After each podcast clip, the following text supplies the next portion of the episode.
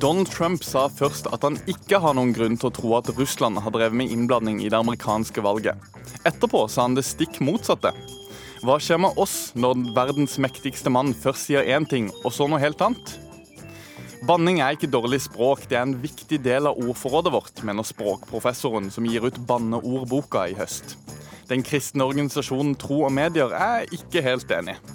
Og robotgressklipperne har blitt veldig populære. Men norske insektforskere vil at folk skal slutte å bruke roboter for å få finklipt plen.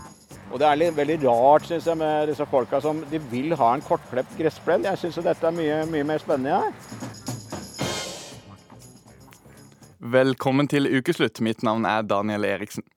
Vi begynner denne sendinga helt nord i landet, nærmere bestemt Tromsø. For musikkinteresserte fra hele landsdelen har møtt opp for å gå på Buktafestivalen, som for en halvtime siden åpna dørene til den siste festivaldagen i år. Reporter Tove Jensen, vi vet du står ved siden av noen som skal på Bukta for første gang i år. Men først lurer jeg på hvordan været er. Dere har hatt så mye fint vær, men i går hørte jeg at gitaristen i Television klaga på at det var kaldt. Åssen er festivalværet i Tromsø? Jo, fra at vi våkna opp til tunge tåkeskyer i dag tidlig, så har værgudene valgt å spille på lag med Buktafestivalen. Og byen bader nå i sol, og temperaturene gjør at vi kan legge unnullertøyet hjemme før kveldens hovedfestival kjører i gang. Fredrik eh, Tverrelv Berntsen, du er en av de som skal på Buktafestivalen for aller første gang i kveld. Hva eh, tenker du om det? Ja, blir, eh, jeg er spent. Jeg har gått og gleda meg til at jeg endelig får lov til å slippe til til bukta. Og Jeg har jo ikke vært på bukta før, så jeg er jo spent på å se hvordan det skal være i kveld. Ja, du sier det. For den store debatten i Tromsø denne uka eh, har nettopp vært dette med om man skal slippe inn de under 18 eller ikke. Det er forfatter eh, Endre Lund Eriksen som eh, starta dette med å skrive et innlegg om at også ungdom under 18 burde ha tilgang til denne gode musikken. Dette har fått eh, motbær, bl.a. fra musikkjournalist eh, Egon Holstad i avisa Tromsø. Men du er enig med Endre Lund Eriksen i at ungdom bør, eh, under 18 år bør få lov å komme inn. Hvorfor det? Ja, for at det er jo mange andre festivaler som får til at de slipper til folk som er under 18. Og at de tilpasser det sånn at alle får lov til å høre på musikken som de har lyst til å komme for å høre på. Og det er jo bare å øke vaktholdet og avgjøre området for de som skal drikke. og F.eks. ordne sånn at de må ha et annet type stempel for å slippe inn dersom det skal selges alkohol. Sånn at det blir passa på de som er under 18, sånn at de også får lov til å oppleve musikken og være og kose seg. Det Bukta-ledelsen sier sjøl, at eh, de syns ikke at eh, ungdom hører hjemme på store arrangement der det serveres alkohol. Du sier at dette enkelt kan gjøres med å dele inn og merke. og så i det hele tatt. Jeg tror ikke det vil gjøre noen endringer med denne populære festivalen? Nei, jeg vet ikke. For at vi ungdommer vi opplever jo folk som drikker alkohol. og Ikke bare på festivaler, men eh, rundt omkring i samfunnet også. For at vi sitter jo ikke bare inne hele dagen. Vi er jo, vi er jo ute og rører på. så vi må jo forholde oss til både folk som drikker med måte og drikker, folk som drikker for mye. Så vi er jo vant til å forholde oss rundt til forskjellige folk. Folk som oppfører seg rart og folk som oppfører seg normalt. og vi, vi har, Det er mange som vokser opp i hjem der foreldrene også drikker alkohol, så det er jo mange som er vant til at voksne drikker rundt dem. Men i alle fall, du slipper å bekymre deg for dette mer. Du skal på festival i kveld. Hva er det du gleder deg mest til? Det er vel han Sondre Justad. Jeg har hørt at han er veldig flink til å holde sceneshow, så jeg gleder meg til å se hva han finner på i kveld. Jeg håper du får det kjempetrivelig, og det håper jeg de andre også som er her får. Nå er det åpent for alle her i bukta i solskinn og nesten 20 grader. Takk til deg, reporter Tove Jensen i Telegrafbukta i Tromsø.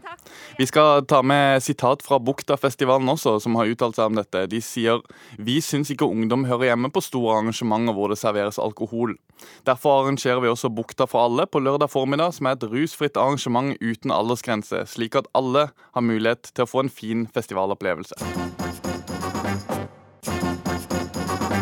Denne uka møttes Donald Trump og Vladimir Putin i Helsingfors. Det ble en forvirrende affære. I have great confidence in my intelligence people, but people came to me, Dan Coates came to me, and some others. They said they think it's Russia. Uh, I have uh, President Putin. Uh, he just said it's not Russia. I will say this I don't see any reason why it would be.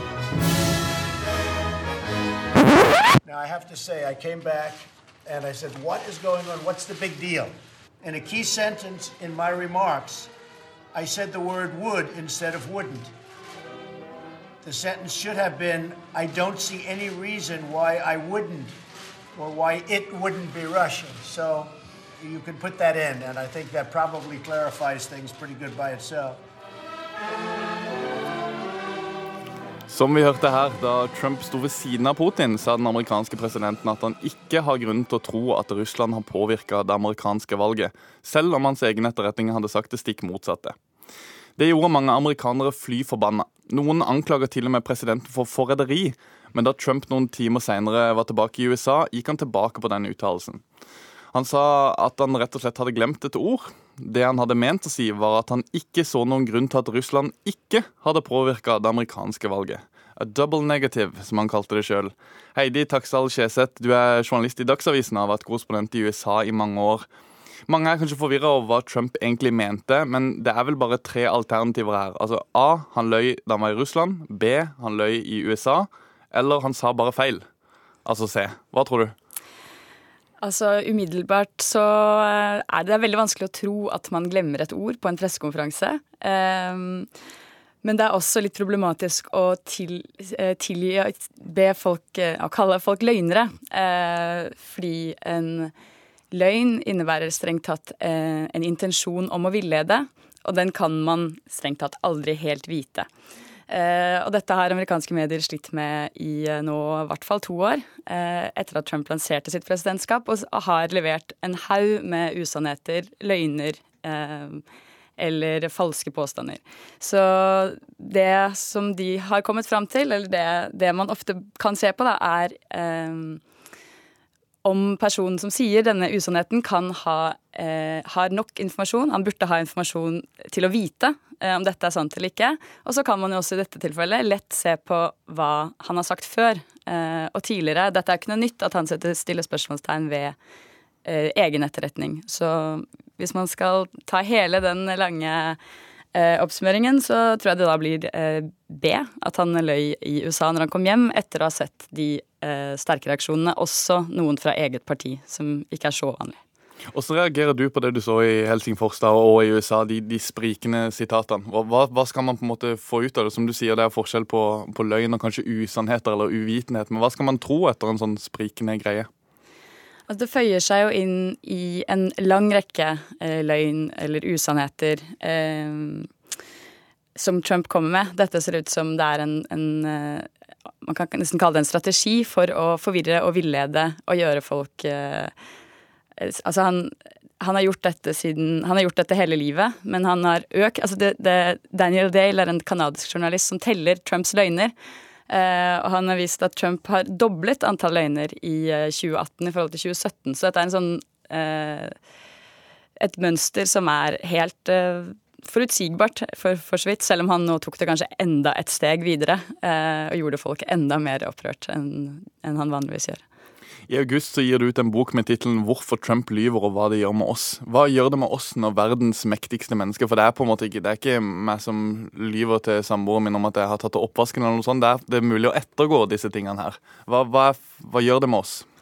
Så Først og fremst så, så splitter det uh, Hvis vi ser først og fremst på amerikanske, det amerikanske samfunnet, så, så splitt, uh, splitter det samfunnet. Og det fungerer også veldig godt fordi det er et så uh, polarisert eh, folk. Så det, det, tvinger oss på en måte til å velge side. Og hvis du velger at du tror på disse løgnene, så vil du velge å tro på presidenten nesten uansett hva han sier. Og så gjør det Altså det gjør, han deler i hvert fall det amerikanske samfunnet omtrent i, i, tre. Altså du har en tredjedel som tror på nesten hva han sier, og alt han sier. Du så mellom 70 og 80% av republikanske velgere de mente at Trump gjorde en kjempegod jobb i Helsinki. Eh, mens en tredjedel, kanskje mer, eh, river seg veldig i håret. Og så er det en tredjedel som ikke helt vet hva de skal tro. Og da vinner Trump, for da blir folk apatiske, og da klarer man ikke helt å ta stilling. Og så ytterst sett så undergraver han eh, det amerikanske demokratiet.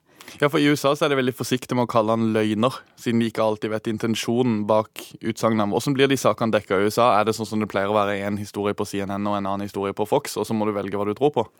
Eh, ja. Eh, altså, det har uh, Enkelt og greit. da. Enkelt, og greit. Fox har faktisk vært litt, uh, litt mer kritisk enn vanlig til akkurat dette Helsinki-møtet. Selv de har sagt han ikke forsvarte USA på måten han kunne ha gjort, eller burde ha gjort. Da. Så selv Fox her har vært noe kritiske. Men de store mediene har De, på en måte, de endret tone litt. De begynte det ble jo kjempeoppstyr i januar 2017, da Kellyanne Conway, rådgiveren til Trump, presenterte alternative fakta. Da visste ikke eh, amerikanske medier hva de skulle gjøre. Eh, og så litt etter litt. Det har vært en veldig diskusjon om om man skal bruke ordet løgn eller ikke. Og det brukes nå mer enn før, men de er, veldig, de er veldig, mye mer forsiktige enn f.eks. norske medier.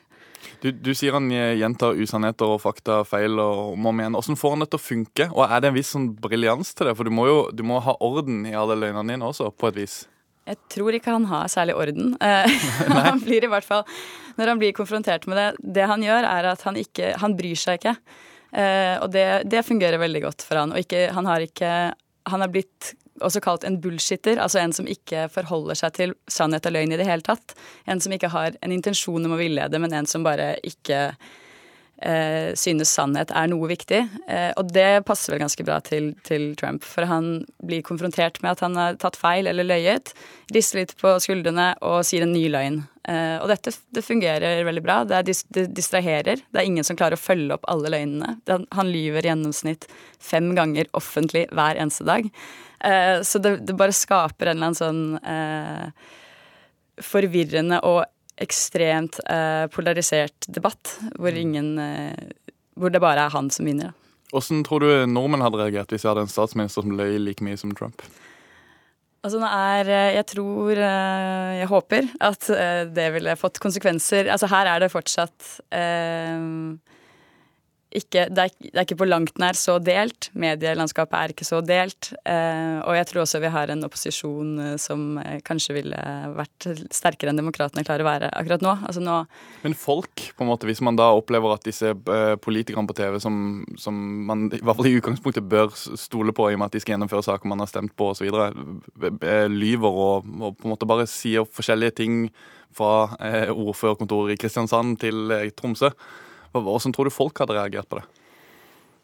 Nei, det kommer litt an på mediedekningen også. Og i Norge har folk generelt langt høyere tillit til mediene og til politikerne eh, enn de har i USA. Og problemet i USA også er at hvis New York Times kan godt kalle eh, presidenten en løgner, men det er eh, De treffer på en måte de som allerede mener at han er en løgner. Eh, og de som ikke bryr seg, eller de som tror på han, de, de leser ikke de artiklene. Så de, de treffer ikke de treffer ikke hans publikum. Eh, mens Fox News eller Breitbart kan skrive strålende saker om Trump, og de er det, de er det ingen av ja, demokratiske, liberale velgere som leser. Kommer eh, Trump tilbake til Trump, kommer Trumps politikk gjennom i alle løgnene, eller blir det, mister man drukner litt eh, politikken i alle løgnene og, og på en måte å prøver å ta han i løgn, eller si du sa det, men du sa det? Mm, Det har vist Han tjener jo på alt, alt, alt dette kaoset. Det, det ser dårlig ut. Det er, dårlig, det er negativ mediedekning for han. Men stort sett, du ser, når du følger meningsmålingene, så, det, så får han oppslutningen om han går opp når det er uh, masse Dette er jo ikke noe, særlig- det er ikke noe særlig substans i, uh, ofte i disse kontroversielle uttalelsene, i løgnene, i alt sirkuset rundt Trump. Da. Dette er noe Trump tjener på. Og når uh, det stilner litt, da går ofte oppslutningen ned. Så vi dekker altfor mye, tror jeg. Eh, sirkuset, løgnene, utsagnene og for lite politikk. For han er jo i full gang med å bygge ned det amerikanske eh, helsevesenet, velferdsstaten.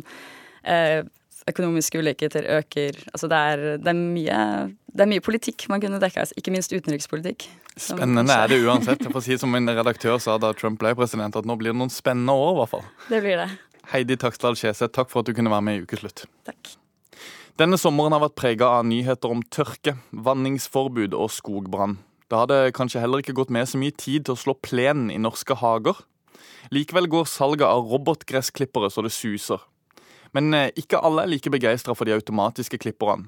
Norsk, Norsk entomologisk forening advarer mot biedød og mindre biologisk mangfold dersom vi klipper plenen for kort. Nå jobber han litt, og så kan han finne den på plass, finner han plassen sin, og så går han inn og lader seg videre. Torkil Flaten bor i Bamble kommune ved Telemarkskysten. Han eier et stort, hvitt hus som omringes av en massiv plen rett ved vannkanten. Det blir ofte at du ser på når han surrer og går. Vi sitter på terrassen. Torkil er pappaen til en venninne av meg. Jeg kan bare ta den ut, ja. Så kan du så kan jeg stappe den. Pip, pip. Og jeg husker godt den sommeren for et par år siden da vi ble invitert i flokk opp i hagen for å hilse på et nytt familiemedlem. Og det nye familiemedlemmet var en maskin i sort plast som lydløst beveget seg over den grønne plenen. En robotgressklipper. Nå bærte han bare ut på plen, sånn at han kan Nå kommer han til å gå litt og finne ut av litt, og så kommer han til å gå tilbake til ladestasjonen sin. Og det er ikke bare Torkel som har gått til innkjøp av en slik elektrisk hjelper til hagen. Robotgressklippere blir tilsynelatende mer og mer populære. I et intervju med Nettavisen forteller kundesentersjef for Claes Olsson at de har hatt en økning på 350% på salget av slike klippere i løpet av det siste året. Jeg klipper plen. Og nå er det roboten? Nå er det roboten som klipper. Torkil synes i hvert fall at han har fått mer fritid etter at han skaffet seg den automatiske klipperen. Jeg er en litt lat person og vil gjøre andre ting enn å klippe plen. Brukte vel en halvtime, tre kvarter. Men det er ikke alle som er like glade for å kunne delegere hagearbeidet til en robot. Denne uka advarte nemlig insektforskere om at robotgressklippere fører til mindre artsmangfold. For nå har vi åpna for publikum her, og der har det gått en sånn robotgressklipper masse i sommer, da. Lars Ove Hansen er insektforsker og leder for Norsk entomologisk forening. Jeg møter han i Botanisk hage i Oslo. Men jeg argumenterer for at vi kan ha mer blomster. Man behøver jo ikke ta og kutte alt. Nå snakker jeg med han. Vi går en tur i parken, omgitt av fargerike planter, bekker og trær fra hele Norge legger du sammen alle de havene, hagene som er kortklipte, så, så man kunne gjort om en god del av det til blomsterenger, så hadde det blitt enormt. Hansen er bekymra for at kortklipte, strigla plener kan true artsmangfoldet i norske hager. Bier, humler og sommerfugler får rett og slett ikke nok blomster å leve av. Og Når det gjelder bier og humler, og sånn, så er jo de helt avhengig av blomster. Det har liksom vært evolusjonen til disse som Problemet med robotgressklipperne, ifølge Lars Ove Hansen, er at plenene blir for korte og ikke etterlater noe rom for småblomster i hagen, slike som gir liv og næring til biene.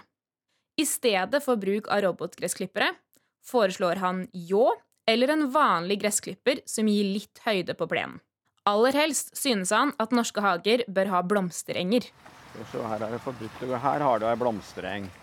Du ser jo Det er litt sånn rotete her. Her kunne man jo da i løpet av sommeren tatt en runde eller to med en ljå f.eks.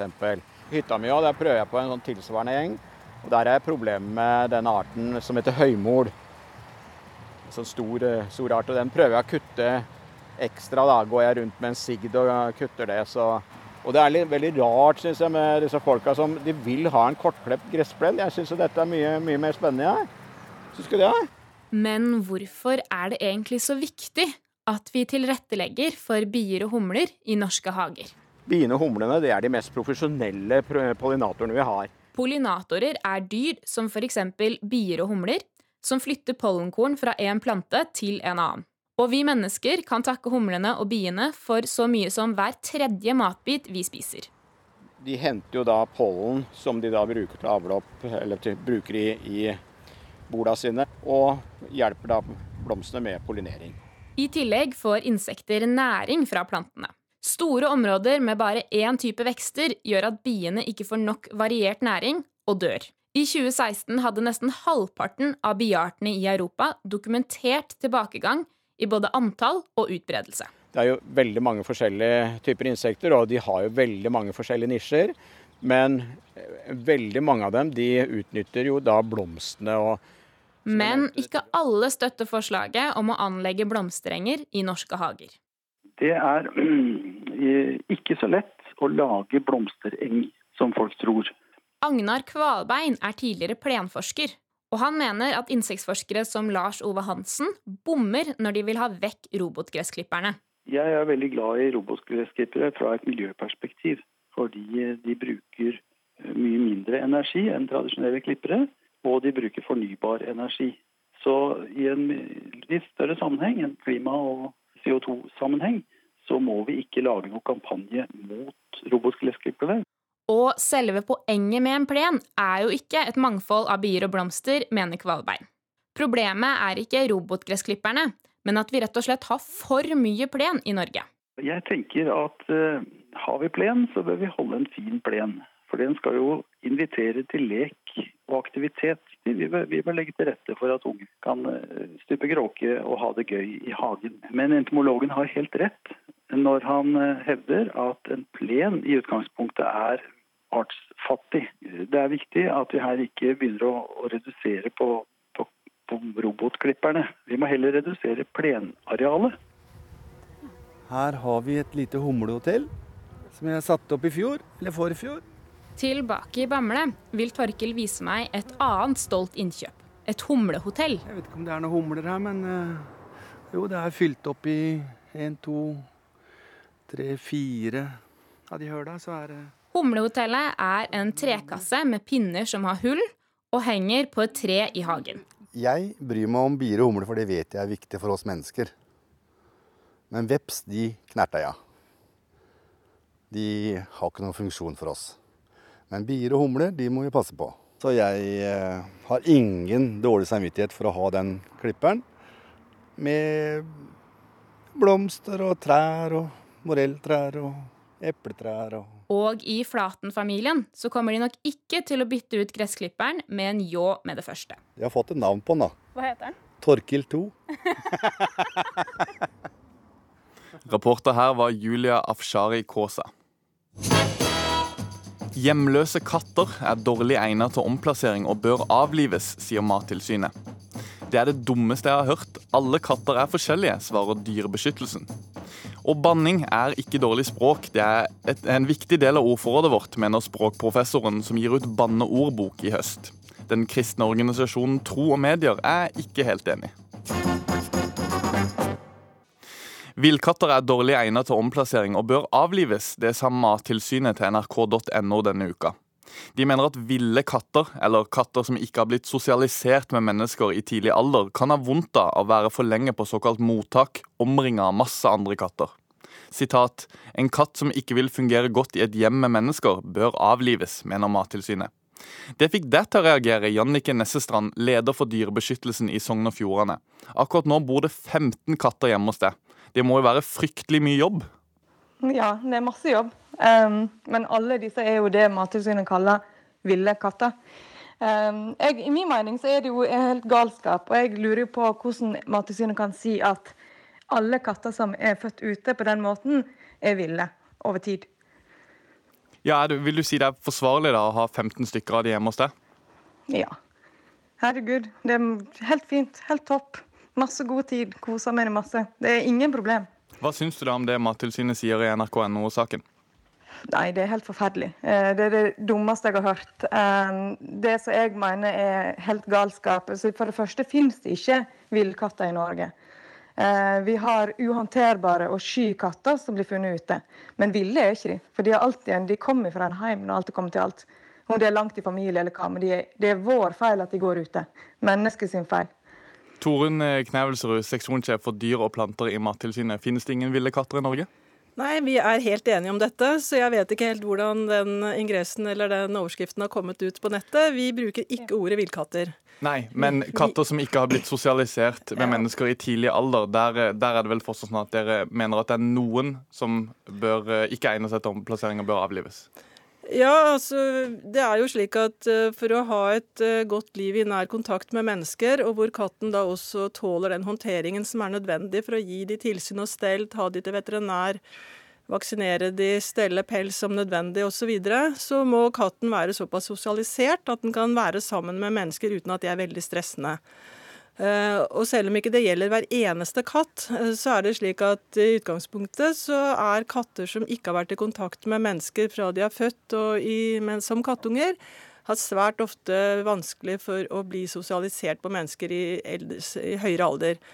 Så vi har gått ut med en anbefaling om at dersom en katt eh, har en sånn bakgrunn og ikke lar seg eh, slått slå seg til ro sammen med mennesker i løpet av en tre måneders periode, så ser vi at muligheten for at det skal gå bra, er veldig dårlig. Så det er klart at uh, når min meddebattant her opplever at hennes katter fungerer bra med henne, så er det jo ikke det vi sier at det ikke er forsvarlig. Men i tilfellene du prater om, så får ikke katten det godt, da? i så fall? Nei, for hvis katten skal leve hos mennesker og oppleve det som veldig stressende, eller hvis det er faktisk behov for å håndtere katten hos veterinær, og sånn, og det er veldig stressende for katten, så får ikke katten et godt liv. Og Det er jo også veldig stor risiko for at en sånn katt blir hjemløs fort igjen, fordi at eh, den nye eieren heller ikke vil oppleve dette som en uh, hyggelig kjæledyr, og den kommer da fort på streif igjen. Og Da mener vi at totalt sett så er det bedre for dyrevelferden at en slik katt blir avlivet. Neste strand, da, da fikk vi rydda litt opp i det som kan ha forekommet som et litt hardt sitat, men hva syns du om det Mattilsynet sier her? Nei, altså, klart jeg er enig i at alle katter kan ikke, kan ikke reddes. Noen vil være for uhåndterbare. Ja, For dere Men avliver som... også noen katter? Ja, ja, ja, det gjør vi. Hvis vi ser at de er syke eller skikkelig uhåndterbare, og de vil ha det bedre med å få slippe. Men det er så utrolig viktig å tenke hver katt er forskjellig. Hver katt er forskjellig individ. Tre måneder det kan være masse for én katt, men det kan være ingenting for en annen katt. Altså, Vi har hatt katter. Jeg har et eksempel sjøl som jeg, måttet, som jeg, har klart å omplassere. det. Den kom også som villkatt, som hun kaller det så fint. Eh, som jeg ville kalt uhåndterbar. Ikke, det, opp i det, så det er ikke hun som kaller det villkatt. Det var, det var ja, vi, vi selv som har skrevet det villkatt. Nå går vi tilbake til på katter som ikke har blitt sosialisert med mennesker i tidlig alder. Ikke det enkle begrepet der. Den var aldri sosialisert. Nei, OK. Ja, fortsett. Ja, jeg har jo hatt den katten hos meg to måneder før han får videre i ny hjem. Uh, han er håndtert, han blir håndtert, han var til veterinær, han blir kamma. Den levde to år ute før han kom til meg. Og var, som du sier, uhåndterbar. Men den har det kjempefint nå. Og jeg syns det å ta alle katter under samme kam og si at alle er sånn, alle, de fleste er sånn, de fleste vil måtte ha, bli avlivet etter tre måneder, for da er ikke det greit lenger, det syns jeg er tull. For alle er forskjellige. Tre måneder er mye for noen og lite for noen. Ja, og det er jo der vi sier at uh, tre måneder eh, kan være lenge for mange katter. Og hvis man etter tre måneder faktisk ikke ser noen bedring, så mener vi at det kan være uforsvarlig å fortsette over tid for å prøve å gjøre den katten sosialisert og tam. Men den katten du beskriver, den fikk du omplassert etter to måneder, så det er jo ikke de kattene jeg sitter og snakker om nå. Vi har så mange flere, det er det jeg mener. Vi har så utrolig mange. Vi har de som har vært inne hos oss i to måneder, vi har en som har vært inne hos oss i, i flere år. Altså, noen har vært der i to år. Uh, og du bruker lang tid, ikke fordi at katten er uhåndterbar lenger, men fordi at folk kanskje ikke vil ha de voksne kattene. Men den katten kan ha vært fin etter et halvt år. Vi har hatt katter vi må ha brukt et år på. Men poenget er at kattene har ikke vondt. De lider ingen nød når de blir håndtert da, eller uh, vant til å måtte bli sosialisert, eller Det ligger ingen nød av det. Knevelsrud, du, du skal få lov til, Knevelsrud skal få lov til å svare på det. Ja, Det er jo det som må vurderes i hvert enkelt tilfelle. Da sånn at uh, da er jo du i dette tilfellet en dyreholder, og da er det ditt ansvar at dyr ikke lider under noen nød. Så vi snakker altså fortsatt uh, fra vår side om de kattene som etter tre måneder fortsatt sitter innerst i buret og freser og er livredde for mennesker. De har det ikke godt. Og selv om de kanskje kan bli mer håndterlige etter et år, så har de i så fall et år som ikke de har det godt. Så her er det jo ikke et sånt helt uh, akkurat på datoen tre måneder. Det må vurderes i hver katt, det er jeg helt enig med deg i. Men vi har gitt ut en generell eh, veiledning om at på det tidspunkt så må man faktisk, faktisk vurdere det. Neste strand, De må jo si noe generelt. altså det blir jo Hver katt som du sier har på en måte sitt eget liv og sin egen historie. holdt jeg på å si. Men, men eh, Mattilsynet må jo til en viss grad gå ut og gi noen generelle råd. Er du enig i det? Ja, selvfølgelig. Og det sier jo selv at vi òg eh, avliver hvis de er veldig, hvis vi ser at her er det best for katten. Men en ting jeg mener veldig, som er veldig viktig for Matsynet, som er såpass store, og folk får med seg alt, og de lytter til alt Matsynet sier, Vegre sine ord være litt mer forsiktig med hvordan det blir sagt. At det er mange som lytter, mange som blir provosert, og mange som blir enig. Og det lager en så stor debatt. Det er så fort gjort å formulere det annerledes enn hva det kanskje er meint eller kanskje er sagt. Eh, så Matsynet, som er såpass store frontfigurer, er nødt til å tenke seg bedre om når de kommuniserer med media. Ja, jeg må si jeg kommuniserer mye med media om dette. Jeg tenker meg veldig grundig om.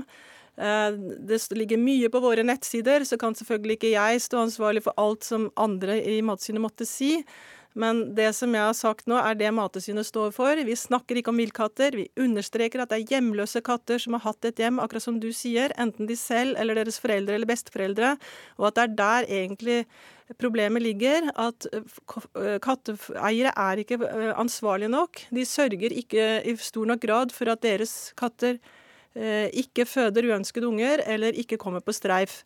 Så det har vi jo hatt en egen hel kampanje om et helt år i 2016. Så vi er veldig opptatt av dette, men vi kan ikke løse utfordringen alene. Vi er veldig glad for uh, ansvarlige organisasjoner som det det høres ut som du representerer, som gjør den uh, delen av jobben. Men det fins dessverre også organisasjoner som vi ikke syns gjør dette på en forsvarlig måte, og da må vi gå ut og si ifra. ja, den ser jeg selvfølgelig. Eh, at hvis ikke det er forsvarlig, så må en ut og, og, passe på. Men ville det hjulpet med å, få lovpålagt shipping og kastrering, f.eks.? Altså ID-merking? ID-merking, ja. Altså, dette er jo noe som vi, alle dyrevernsorganisasjoner, og mange dyrleger òg i tillegg, jobber for å få lovpålagt ID-merking. Ja, Da er man jo ute på hva som er formålstjenlige virkemidler. Og eh, vi har gjort en grundig vurdering av dette med konsekvensvurdering.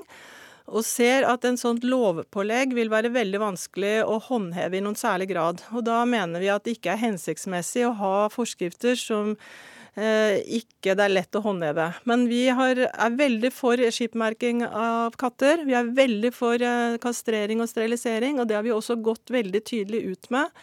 Eh, så det støtter vi fullt opp om.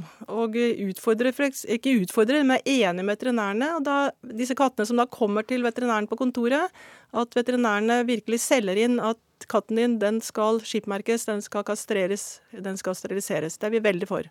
Da rakk vi kjapt innom debatten om ID-merkinga. Det er ikke dårlig på en lørdag. Jannike Nessestrand, leder for Dyrebeskyttelsen i Sogn og Fjordane, og Torunn Knevelsrud, eh, seksjonssjef for avdeling planter og dyr i Mattilsynet. Takk for at dere kom. Her hørte vi Razika med 'Faen ta deg'.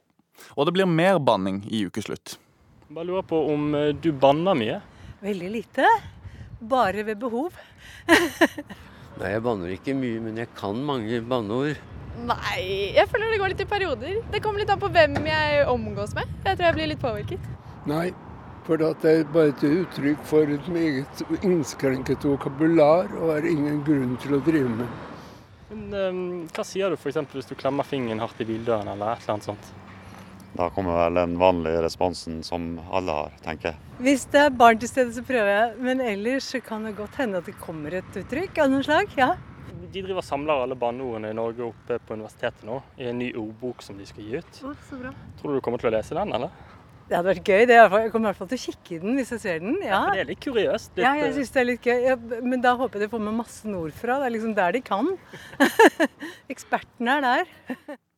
For ordens skyld, de neste minuttene har vi fått dispensasjon av vår redaktør til å banne litt. For eh, akkurat nå jobber nemlig en av de mest velrenommerte språkforskerne på Universitetet i Oslo med en banneordbok, der tusen av våre mest kjente og kjære banneord har fått plass. Rutva Tvedt Fjell, professor i nordisk språkvitenskap ved Universitetet i Oslo. Hvorfor lager du banneordbok? Ja, Det kan man lure på. Eh, for det første så er dette en, viktig del, en viktig del av ordforrådet vårt, fordi det er ord vi bruker veldig mye. Og for det andre så er de jo vært tabu, og de har vært tabu også for ordboksredaktører, slik at de har ikke kommet med i ordbøkene, i hvert fall i svært liten grad. Så det er en av grunnene, i hvert fall. Noe annet er jo at de er veldig mange interessante kulturminner i banneordene. Hva det er vi griper til når vi skal uttrykke våre negative eller sterke følelser. Og, og det er nettopp det. Det er jo følelsesspråket vårt. Så det er en veldig nær del av den enkelte personens ordforråd, egentlig. Hvordan har det gått fram for å samle inn disse banneordene? Det høres ut som en morsom jobb. En morsom jobb, men det er faktisk en ganske vanskelig jobb, nettopp fordi at de er jo ikke dokumentert i ordbøkene. Og vi har en del såkalte talemålskorpus, men der blir folk intervjua litt formelt, og da banner de jo selvsagt ikke. Så det som har vært det beste stedet for meg å finne dem, det har vært i eh, et par sånne internettkorpus som har vært samla automatisk, sånn crawla om nettene og tatt inn masse blogger og sånt nå. Der finner man jo mye. I kommentarfelter og sånn? Også i kommentarfeltet, særlig den siden som heter vg.no, altså debattsiden til VG. Der har jeg Jeg jobb, lenge, tok lang tid før jeg oppdaga det, så nå har jeg gått igjennom alle banneorda hvor jeg mangla belegg. Og jeg må si at jeg finner på så å si alt i de sidene der. også. Der har man ikke spart på konfekten, for å si det på den måten. VG Debatt, det skuffer ikke. Eh, det er noen som sier at banning er tegn på dårlig språk. Er du enig i det? Spørs jo hva man mener med dårlig språk. Det er klart det er jo et språk som ikke kan brukes i enhver kontekst. Det er Noen ganger så må man holde det igjen når, det, når du ja, f.eks. sitter foran mikrofonen sånn som vi gjør nå. Ja. For som du vet, Fjell, så er norske banneord ofte knytta til vår kristne kulturarv. Det går ofte utover Gud, eller Gud er i hvert fall med på en eller, en eller annen form. Det er det ikke alle som liker veldig godt, spesielt ikke der jeg kommer fra på Sørlandet. Jarle Haugland, du er daglig leder i Tro og Medier, en organisasjon som arbeider for kristen tro og gode verdier i mediehverdagen. Dere har tidligere tatt til orde for at folk, spesielt i media, skal slutte å banne så mye. Hvis dere kunne fått en sånn ønskeliste på tre ord dere gjerne ville at folk skulle slutte med, hvilke ord hadde det da vært? Jeg skulle jo gjerne, Personlig skulle jeg gjerne ønske at uh, herregud igjen kom inn som et uh, ord som ikke vi bruker i tid og utide, fordi det er den Gud jeg tror på. Jesus Kristus brukes innimellom, eller Jesus Christ. Da, da berører du jo for oss kristne noe av det på en måte nære og hellige, og jeg skulle gjerne ønske at vi bevarte noen rom som var, som var på en måte forbeholdt det det som mennesker holder for hellig. Men, men, så er jo dette, dette er jo en komplisert og utrolig interessant arena, egentlig. For det er jo nettopp det at vi holder det for hellig, som gjør at det blir nok tabu til at det blir et banneord. Ja, for hva, hvis, hvis, hvis, jeg da banner og sier jævlig eller et eller annet, eller herregud eller noe sånt, hva, hva er det da som Eller provoserer det deg på en måte, eller det, tenker du at det er mitt språk? Ja, altså, for meg så, så Det provoserer meg ikke sånn eh, personlig, men, men, jeg tror det gjør noe med, med måten vi, eh, vi, omgås hverandre på. og eh, det er, jo, det er, jo, interessant at på fotballbaner i, barneidretten, i skolegårder, så jobber de med å, å, å, hindre og unngå banning, fordi de sier at de gjør noe med omgangsformen til hverandre.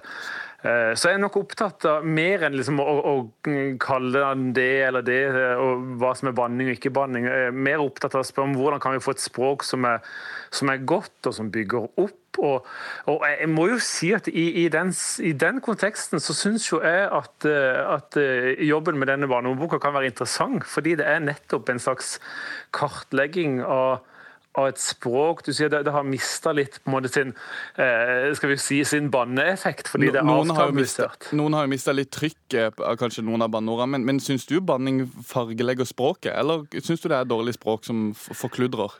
Jeg, jeg tror, da man tror jeg Vi må i hvert fall bli enige om hva, hva, vi sier når vi sier ordet banning. Altså, Snakker vi da om å bruke kraftuttrykk som eh, Vi kan ta eksempelet du nevnte. Herregud, f.eks. Ja, så, så, mener jeg at det, det, er noe som er med og drar min Gud eh, ned på, på, et nivå som ikke jeg trives med, fordi jeg mener at Gud er hellig og, og eh, er på en måte noe av det mest dyrebare og verdifulle jeg har i livet mitt. Ruth Vatvedt eh, Fjell Norge har jo en kristen kulturarv der mange som er kristne, der mange nordmenn som er kristne og har et forhold til Gud. Burde man la de mer som blasfemiske banneordene være i fred? Eh, det, kan, det, kan, man spørre om, fordi du sier at Norge er et kristent land, men nå har jo ikke vi statsreligion lenger. Og det, det er jo blitt en voldsom sekularisering de senere årene. Og færre og færre går i kirken, færre og færre tror på egentlig Guds ord da, og det annet bud som forbyr, man, forbyr folk å bruke Guds navn uh, når man ikke mener det, for å si det sånn. Bør det da på en måte være mer lov, da? Det, det føler, folk føler vel i hvert fall at det er mer lov, for det er ikke noe sånn som den personen vi snakker med nå, som er personlig troende. For han så er det klart at det, det å bryte det annet bud, det er å gå imot den religionen han selv har.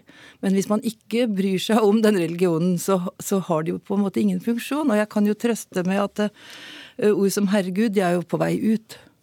Det er jo gode nyheter, uh, Jarle Haugland. ja. Jeg, jeg, som, som, jeg sa, jeg er mest opptatt av hva, hva gjør språket med og vår omgangsform og våre relasjoner. Så, eh, og, og, språket er dynamisk. Det vil være ord som går Noen ganger så er det religiøse, andre ganger så er det kjønnslige skildringer. og, og og andre karakteristikker av mennesker sånn sett, som, eh, som, kan være mindre fordelaktige. Så jeg er nok mest opptatt av det om å få et språk som, som gjør at relasjonene blir gode og ivaretatt. Og, og noen ganger er det naturlig med kraftuttrykk. Ja, kan jeg spørre deg om det? Hva, hva sier du når du slår foten knallhardt i stolbeinet? nei, det, uh, nei, det tror jeg er ganske snille ord. Men, men, men, samtidig så tror jeg nok kanskje språkforskeren vil si at dette nei, det har sitt utspring i banneord. Jeg sier vel kanskje som sørlending så sier vel heiane eller uh, et eller annet sånt. og ja, Det kommer jo sikkert ifra helvete. Ruth, avslutningsvis her. Du, du har vært gjennom uh, alle de typiske banneordene, men også funnet ut at det mange, finnes mange skjulte banneord. Er det sånn at det ikke går an å føre en vanlig samtale uten å egentlig banne? Jo, det går an, men det er jo forskjellige språkfunksjoner. ikke sant? Det å banne er jo en spesiell funksjon, i motsetning til å informere eller til å gjøre andre ting. Sånn at vi kan gjerne snakke saklig, og det gjør vi jo også når vi skal informere f.eks. i NRK og i andre sammenhenger. Da skal vi ikke vise følelsene våre. men i menneskelig samkvem så har de aller fleste lyst og behov til å vise følelsene sine. Og jeg må jo si det, takk for at jeg fikk meg et nytt ord til banneordboka nå, nemlig heiane. Men har jeg ikke, den har jeg ikke fått, fått, registrert før, så det er fint. Ja, men, men, språket er jo dynamisk, har du sagt mange ganger. Men det er ikke bare dynamisk, det er jo menneskeskapt. Og det er jo mennesker som har bestemt hvilke ord som er lov å si og ikke si. Og språk har makt. Det er veldig viktig å huske på at det er noen som har bestemt hvilke ord det er lov å si, og hvilke ord det ikke er lov å si. Og det det er jo eh, veldig lett å se man snakker om at folk har et lite ordforråd. Det er ofte folk som er maktesløse. Mm. Ikke sant? Så man må se det i en sånn sosial, eller sosiolingvistisk sammenheng. Så er det, er det, ganske interessant med hva banning er. Men det er kanskje et litt annet tema. Det er kanskje det. Ruth Vatvedt, fellesspråkprofessor på Universitetet i Oslo, og Jarle Haugland, daglig leder i Tro og Medier. Jævlig hyggelig at dere stakk innom. Det var det vi hadde i Ukeslutt denne uka her. Ansvarlig for denne sendingen var Jaran Ree Mikkelsen. Teknisk ansvarlig var Eli Kirkebø, og i studio fikk du Daniel Eriksen. Vi høres igjen neste lørdag. God sommer.